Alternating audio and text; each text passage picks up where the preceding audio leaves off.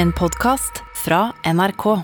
De nyeste episodene hører du først i appen NRK Radio. Det er veldig få drap som skjer i landet vårt, så når først noen blir drept, går det inn på oss. Kvinnen var på vei hjem til fots fra Bryne sentrum da drapet skjedde. Hva er det som får noen til å ta livet av et menneske? Og hva er det som avslører gjerningspersonen? Politiet har få spor etter mannen som etter alt å dømme drepte en ung kvinne i Bryne i natt.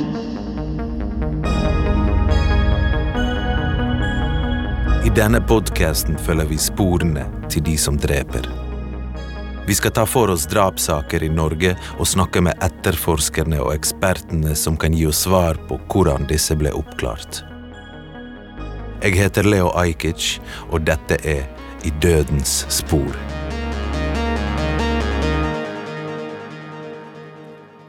Dette er del én av tre om drapet på Bryne. Året er 2001, og på Bryne i Rogaland går sommeren mot slutten. Det er en sen lørdagskveld, og så langt så har det bare vært rolig for den lokale politimannen Jan Olav Våge, som har tatt hånd om noe festøy og kjørt et par berusede ungdom hjem. Men ellers har det vært lite å styre med for politiet. Plutselig ringer telefonen hos politivakten på Jæren. Det er en 24 år gammel mann som ringer på vegne av sin yngre bror. Lillebroren har sett noe skje i Herikstadveien, like utenfor Bryne. Mannen i telefonen høres nervøs ut. Han forteller at lillebroren har sett et par som krangler, og han tror mannen har en kniv i hånden. Politiet tar meldingen på alvor og rykker ut. Herikstadveien er en stor og åpen vei med god belysning utenfor Bryne sentrum, og den fører til flere boligfelt. Politiet kjører fra Time lensmannskontor i sentrum av Bryne og ankommer Herikstadveien noen minutter seinere. Der finner de en livløs kvinne på bakken med flere dype sår. De vet ikke hvem kvinnen er, men det viser seg raskt at hun er død.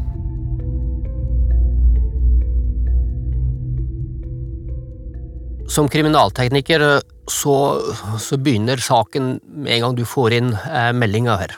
Håvard Haftor Arntzen er seksjonsleder i Kripos og jobber med å lede noen av de dyktigste kriminalteknikerne i landet. I den saken hvor det ligger et, et, et dødt kvinnemenneske ute, og vi ikke vet hvem det er, så er det selvfølgelig veldig viktig for oss så tidlig som mulig å prøve å identifisere den døde, sånn at våre kolleger, altså de som er taktikere, som driver med taktisk etterforskning, kan begynne sin jobb. For nå må vi begynne sporsikring på den døde, og etter hvert finne ut hvem den døde er. Søndag 26. august melder NRK at en kvinne i 20-årene er funnet drept på Bryne. Det var her på dette fortauet kvinnen ble brutalt stukket eller slått ned litt før tre i natt. Stedet ligger i et fredelig villaområde like ved Bryne stadion.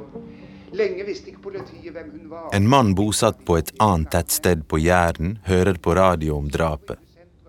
Han har to døtre som bor på Bryne, og han prøver å ringe de for å høre at alt står bra til, men han får bare kontakt med den yngste datteren. Hun har nøkkelen til søsterens leilighet, så hun og faren drar dit sammen for å sjekke. Når de legger merke til at ingen har sovet i sengen den natten, blir de enda mer bekymret. Politiet offentliggjør en beskrivelse av klærne den døde damen hadde på seg i håp om tips blå dongerijakke, hvite bukser og lilla topp.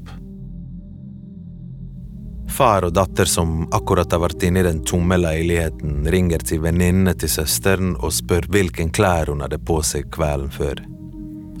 De beskriver nøyaktig samme outfit som politiet har gått ut med, så de kontakter politiet med en eneste gang. Først dagen etter blir det klart at det var den 32 år gamle Gunn Merete Lode fra Nærbø som ble stukket ned 500 meter fra sitt eget hjem. Men hvor fort begynner, sikring av åstedet, og, og hvordan sikrer man et åsted? Når man kommer fram til et åsted, så skal vi ha det som heter uh, henda i lommen-taktikk. Rett og slett at du må se er det, hva er det du ser, og hodet, eh, i hvert fall mitt hode, det tar litt tid for at du greier å se det her i sammenheng. Jeg prøver å danne meg et innblikk hva har skjedd, og eventuelt, hvis det er en gjerningsmann, hvordan har gjerningsmannen kommet til og fra stedet. Det, det er viktige sånne vurderinger, så du, du må ta ganske tidlig i saken. Men henda i lommen, det er liksom eh, Det vil si bare se, ikke røre? Ja, du skal røre minst mulig, bevege det egentlig minst mulig, for det, det vi er redd for, det, det er å ødelegge spor eller tilføre spor. Og så må det dokumenteres, det er noe av når vi har liksom oversikten, vi ser sånne strukturer, hva, hvordan gjerningsmannen har kommet inn, vi har lagt en plan for hvordan vi skal gjøre det her, så begynner dokumentasjon, altså billedtaking, eventuelt video og den type ting. Fordi det vi vet, det er at eh, om noen måneder, eller kanskje et år, så skal retten få lov til å se hvordan det så ut når vi ankom stedet, uten å ha rørt noen ting. Så derfor er dokumentasjon utrolig eh, viktig i en tidlig fase. Men når du er på et åsted, ser du for deg disse handlingene når du tyder bevisene? Jeg har sett noen serier og sånn, og der er det noen etterforskere som har en eh, sjette sans eller noe sånt. De kan se et stikk, og så kan de tyde om det var venstre hånd, hvilken eh, Altså om, om, det var den inngangen, om det var Altså, de ser for seg det som skjedde, på en måte. Vi er ikke så skråsikre og vi er ikke så raske som de er på TV-en, men det er klart at vi, vi, bruker ordet hypoteser, og så ser vi hva, hva er som er mest sannsynlig med bakgrunn i de sporene som, som vi ser. Politiet vil ikke offentliggjøre noen detaljer om drapet, men forklarer at det ble brukt kniv eller knivlignende gjenstand. Selv om det er flere som mener at de har sett en dame og en mann i Herikstadveien før drapet, har politiet få opplysninger om hvem som kan ha gjort dette. Kroppen blir sendt til Bergen for obduksjon. Først så eh, registrerer vi jo alt av klær og sånne ting, og det er tatt bilder, sånn CT-bilder, eh, på forhånd som vi har sett på. Eh, så vi kan for eksempel allerede på CT-bildene se at å, her ser det ut som det er blod i brysthulen, for eksempel. Ida Gravensten, du er rettsmedisiner. Disse stikkene, mm. er det noe du kan, du kan, si om de, eller hva, hva, hva som tok livet av Gunn Merete, eller Ja, hun ble påført et eh, stikksår i buken, eller var i overgangen mellom bryst og buk, eh, som gikk eh, gjennom leveren og tvers gjennom det som de kaller livpulsåren, eller hovedpulsåren i kroppen. Da. Det største blodåren i hele kroppen, som går fra hjertet og ut i kroppen. Så vil det si at uh, hun hadde mindre smerter, kanskje? At det gikk fortere over, eller? Ja, hvis det stikket kom først, så har hun jo ganske raskt blitt liksom passivisert, da, eller havnet i en slags sjokktilstand, fordi det skjærer du over, eller lager du et hull i hovedpulsåren, så forblør du, da mister du blod fra hjernen veldig fort. Du vil nok bli bevisstløs eh, i løpet av et minutt, i hvert fall. Hvordan vet man at det er kniv, eller og, og hvis det er mange stikk, hvordan vet man hvilken av stikkene som var dødelig, kanskje? Eh, det har jo med skadens utseende og plassering å gjøre. Det her er faktisk språk vi gjerne bruker, en knivlignende gjenstand, fordi mm. du kan ikke helt eksakt si akkurat hvilken kniv som er brukt, eller hvordan den ser ut, med mindre det er en veldig sånn karakteristisk kniv, da, ja, ja. som er ulikt alt annet, for eksempel, men det fins jo et hav av ulike stikkvåpen. Ja. Sånn at, men det du ser, typisk sånn det vi kaller skarpvoldsskader, da, som er stikkskader og skjæreskader, det er at de har jevne kanter, i hvert fall hvis redskapet er ganske skarpt, eh, og så er de spisse eh, Hvis du har et knivblad, så har du på en måte en skjærende flate, og da vil den skaden i huden være spiss, i hvert fall i den ene enden. Mm. Eh, hvis den har to blader, vil den ofte være spiss i begge ender. Mens hvis du har en veldig butt og bred knivrygg, så kan den ene enden være litt mer sånn avrundet, da, eller opp, eh, så oppfliset som en slags fiskehale. Mm. Så det kan liksom si noe om hva slags gjenstand som er brukt. Og så selvfølgelig ser du på hvor på kroppen er skadene påført, og typisk ved drap, da, er at stikk, hvis det er stikk eh, som er brukt, eh, blir påført mot bryst, eh, også hals og buk. Hvorfor akkurat der? Fordi der er det på en måte relativt Altså, brystet er jo ganske, et ganske stort område, ikke sant? Og stikker du mot brystet, så er sjansen ganske stor for å treffe inn til livsviktige organer, sånn som hjertet og store blodårer og lungene. Og stikker du i hjertet, så vil vedkommende dø av forblødning, som regel ganske raskt, da. Men hvem var egentlig Gunn Merete Lode? Og hva kan ha ført til at akkurat hun ble overfalt på vei hjem en sen lørdagskveld i august 2001? La oss bare spole litt tilbake. På Bryne bor det omtrent 7000 mennesker, og tettstedet har nylig fått bystatus. Mange arbeider med jordbruk og industri. Gunn Merete har jobbet i Jæren energiverk de siste tolv årene. Hun har kort, brunt hår og et ekte fint smil. Hun har to yngre søsken, en bror og en søster, og Gunn Merete har et nær forhold til begge, men det er søsteren hun er bestevenner med. Hver søndag så samles hele familien til middag. Gunn Merete flyttet til eh, Bryne fra Nærbø halvannet år tidligere og har fått seg en liten venninnegjeng. Altså, hun lever et såkalt normalt liv. Hun bor alene og er glad i sitt eget selskap, men er sosial og aktiv. Og så digger hun å strikke. Venninnegjengen treffes ofte, og de liker å gå på treningssenter sammen og dra ut på byen i helgene. Gunn Merete kommer godt overens med de fleste rundt seg og er kjent som en person som aldri hever stemmen eller krangler med noen.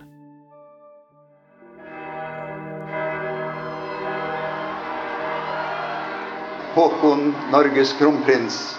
Vil du ha Mette-Marit? Lørdag 25. august er bryllupet til kronprins Håkon og Mette-Marit. Gunn Merete og tre av hennes venninner er samlet i en leilighet på Bryne for å få dette med seg. Og bli trofast hos henne i gode og onde dager. De møtes klokken seks. Planen er å kose seg med sendingen, med litt øl, vin og snacks på bordet. Etter hvert bestemmer damene seg for å ta en tur på byen og setter kurs mot nabobyen Sandnes. En kamerat av de blir råd med, og nå skal gjengen på fem videre på utestedene Åpenbart, Helan og Halvan og en karaokebar. Så denne kvelden skal det danses og synges.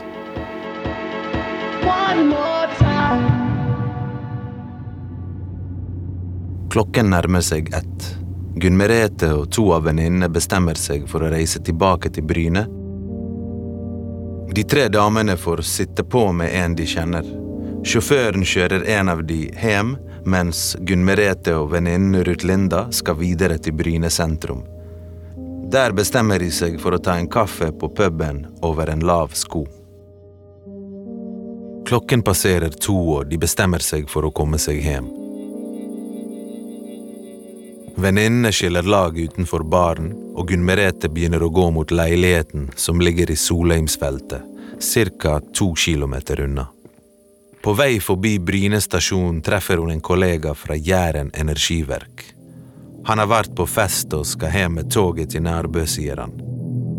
Kollegaen skal vise seg å bli det siste kjente fjeset Gunn Merete ser, før alt går galt.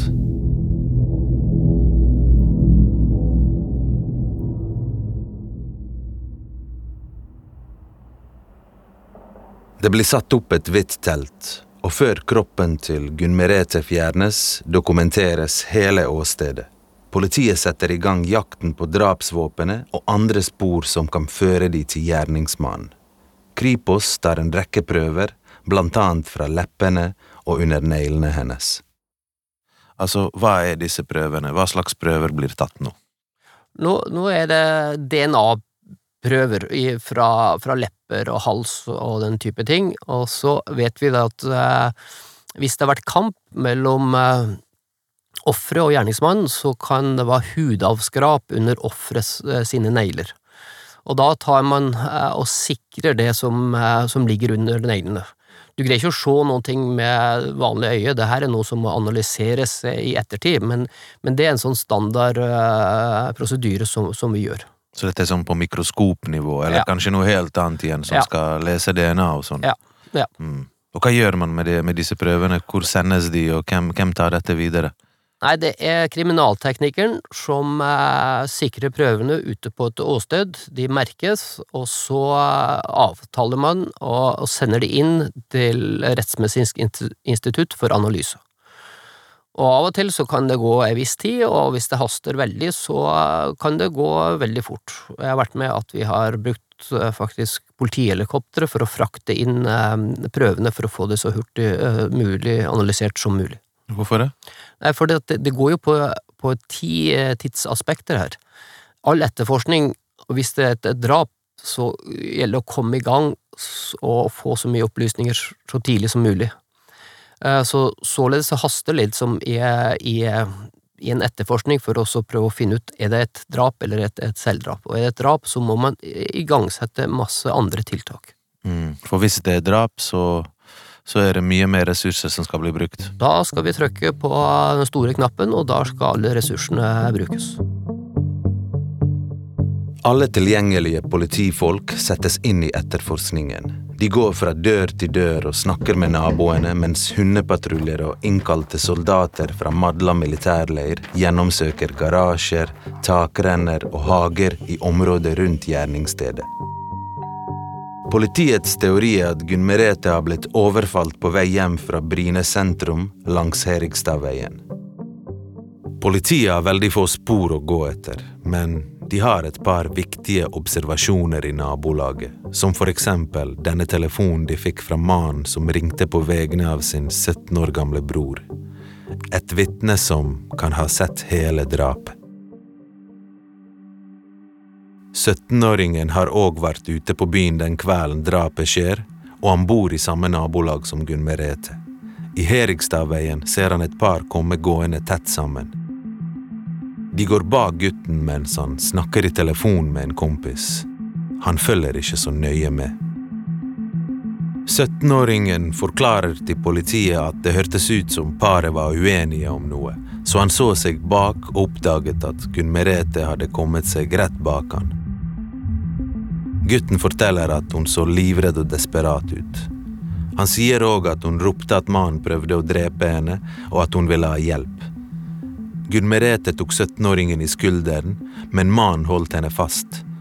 Plutselig oppdaget gutten at mannen hadde en svær kniv i hånden. Politiet har altså et vitne som kanskje kan føre de nærmere gjerningspersonen.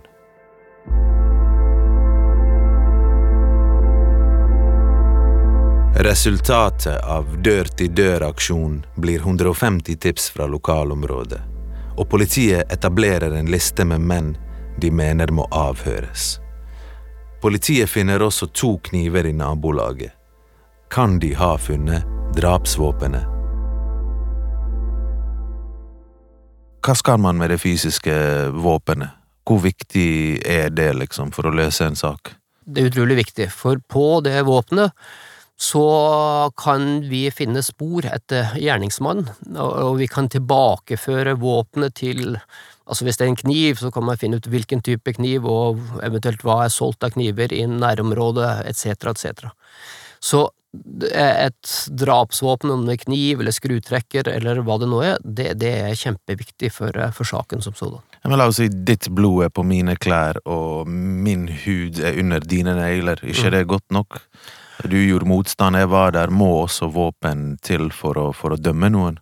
Uh, nei, det, det trengte ikke å, å være til, til, stede, men i en rettssal så er det jo Så ønsker man å gi retten uh, flest mulig svar, sånn at de kan gjøre en riktig avgjørelse. Og veldig ofte så blir det fokus på, på ting som man ikke kan svare på, hvis for eksempel uh, drapsvåpenet er borte. DNA er jo selvfølgelig kjempeviktig, sporsikring, og det gjør jo politiet. De sender det inn til rettsgenetikere, da. De tar spor av relevante gjenstander, og så sender de det til rettsgenetikere. Så det er andre rettsmedisinere som jobber med genetikk da, og spor. Det er det ene. Og det andre er selvfølgelig at man sammenholder kniven eller den gjenstanden, eller de gjenstandene. Noen ganger er det jo flere gjenstander. Det kan jo være flere kniver, det kan være en kniv og en øks. Uh, at man sammenholder det med skadene. Og vi, vi er jo supernøye både når vi dokumenterer skadene på obduksjonssalen, vi måler opp alle, uh, sier helt sånn spesifikt hvordan kantene ser ut, hvordan vinkelen er, hvor dype skadene er og sånne ting, og hvilke vev de går gjennom. Det er det ene, og så fotodokumenterer politiet sammen med oss, for politiet er jo med oss på obduksjonssalen. Etter å ha undersøkt knivene, ser ikke det ut til at noen av disse er det de leter etter. Politiet prioriterer å finne drapsvåpenet og bestemmer seg for å gjøre et omfattende søk i kummene i området. Kummene blir spilt tomme for slam for å sjekke om morderen kan ha kastet fra seg kniven her. En av tipserne har hørt en person løpe av gårde. En mann i dongeribukser og mørk jakke er observert i området rundt Herigstadveien mellom halv tre og tre. Dette fører heller ikke frem, og politiet leter fortsatt etter drapsvåpenet. Etter dør-til-dør-aksjon blir det også klart at flere vitner har passert åstedet like før drapet. Flere har hørt lyder.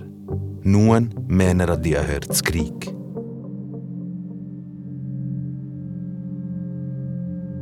Det er også uklart for politiet om offeret og gjerningsperson kjente hverandre men flere vitner, inkludert 17-åringen, observerte det de beskriver som et par i Herigstadveien like før drapet fant sted.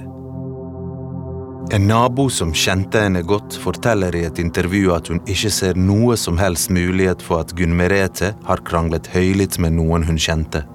Hun sier at Gunn Merete alltid holdt mannfolka på en armlengdes avstand. Hele vennekretsen hennes er overbevist om at venninnen deres må ha blitt angrepet av en fremmed på vei hjem den natten. Politiet jobber intens med tipsene de mottar fra publikum, og fortsetter å banke på dørene i nabolaget. Vi har en plikt da, til å sjekke alle disse tipsene, i utgangspunktet, men i en begynnelse av en sak som du kobler til Gunn Merete Lode, så gjelder det jo kjapt å plukke ut de som kanskje kan gi deg en åpning, et gjennombrudd, så fort som mulig.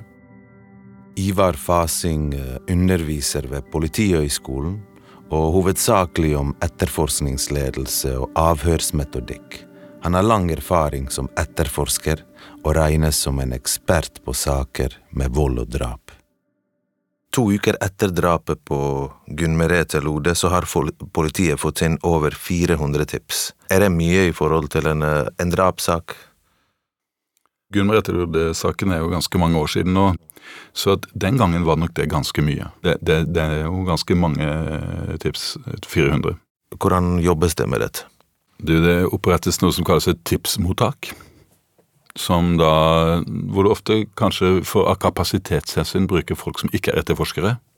Kanskje sivilt personell som er flink til å snakke med folk, god til å ta notater, eh, og kjapt få, få ja, være hyggelig mot disse menneskene og, og føle at de blir tatt på alvor, de som ringer inn. Og så sitter det da eh, en etterforsker som har ansvaret for å forsøke å plukke ut For det er jo mange av disse tipsene som Altså, majoriteten av tips er støy. Men du, støy, det vil si I den forstand at de, de, de, de, er bare Du kan bare se bort ifra dem. Det er den store utfordringen, er å klare å kjappest mulig nappe ut de tipsene, for det kan jo komme, som du vet eh, oppklaringen på saken kan komme i et sånt tips. Eh, men det kan også være, du kan også ende opp med å bruke veldig mye tid på ting du eh, ikke burde bruke tid på. Venninnegjengen til Gunn Merete og mange andre i lokalbefolkningen er rystet og engstelige etter det voldelige drapet. Folk gruer seg for å gå ut om kveldene. Mange går og ser seg over skulderen fordi gjerningsmannen fortsatt er på frifot og ingen vet hvem han er. I løpet av etterforskningen kommer det frem at flere i nabolaget har lagt merke til en mann som har lusket rundt og oppholdt seg i området ved flere anledninger denne sommeren. En av de som bor ved Herigstadveien, står frem i Dagbladet og forteller om den mystiske mannen. Det var akkurat som han kartla et eller annet, han virket forvirret, vi skjønte ikke hvorfor han stadig kom tilbake uten at det så ut som han hadde noe fornuftig ærender, forteller naboen. Ingen av naboene har sett denne mannen etter drapet på Gunn Merete Lode. Dette tipset om den mystiske mannen blir svært interessant for politiet. Beskrivelsen av mannen passer nemlig godt med personen flere mener å ha sett i nabolaget den natten drapet fant sted.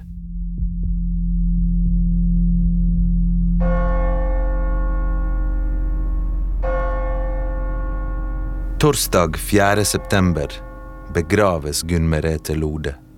Det er over en uke siden drapet. Seremonien finner sted i Nærbø kirke, og Nærbø er en liten plass der de fleste kjenner hverandre. Kirken er stappfull, og ca. 400 folk har møtt opp for å ta farvel med Gunn Merete. Utenfor den lille hvite trekirken står mange flere som ikke får plass inne. Anne Sofie Haarr leder seremonien og forteller om et kjærlig og varmt menneske som var opptatt av at de rundt seg hadde det bra. For de yngste søsknene var Gunn Merete som en mor nummer to, forteller Hår. Sammen tar forsamlingen farvel i stillhet. To uker etter drapet har politiet fått inn over 400 tips. De har utført over 200 avhør uten å få noen avgjørende opplysninger. Det er fortsatt tidlig i etterforskningen, men det begynner allerede å tyde på at det kan bli en stor og tidskrevende jobb å oppklare saken. Men hva med prøvene Kripos tok av Gunn Meretes kropp? Analysen er klar. I disse prøvene har etterforskerne oppdaget biologiske spor fra et annet menneske enn Gunn Merete. Nå står politiet plutselig med en DNA-profil mellom hendene.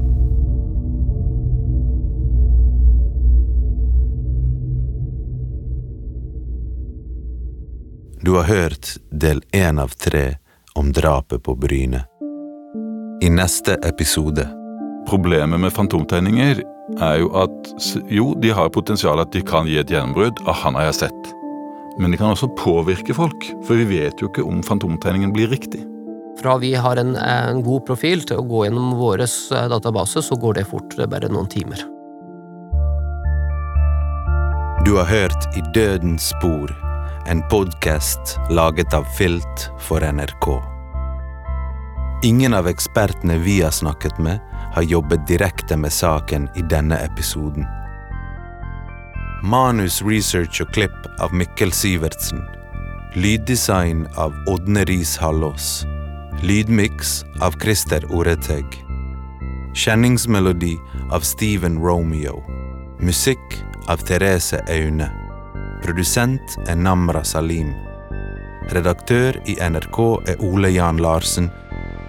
Og jeg heter Leo Ajkic. Du har hørt en podkast fra NRK.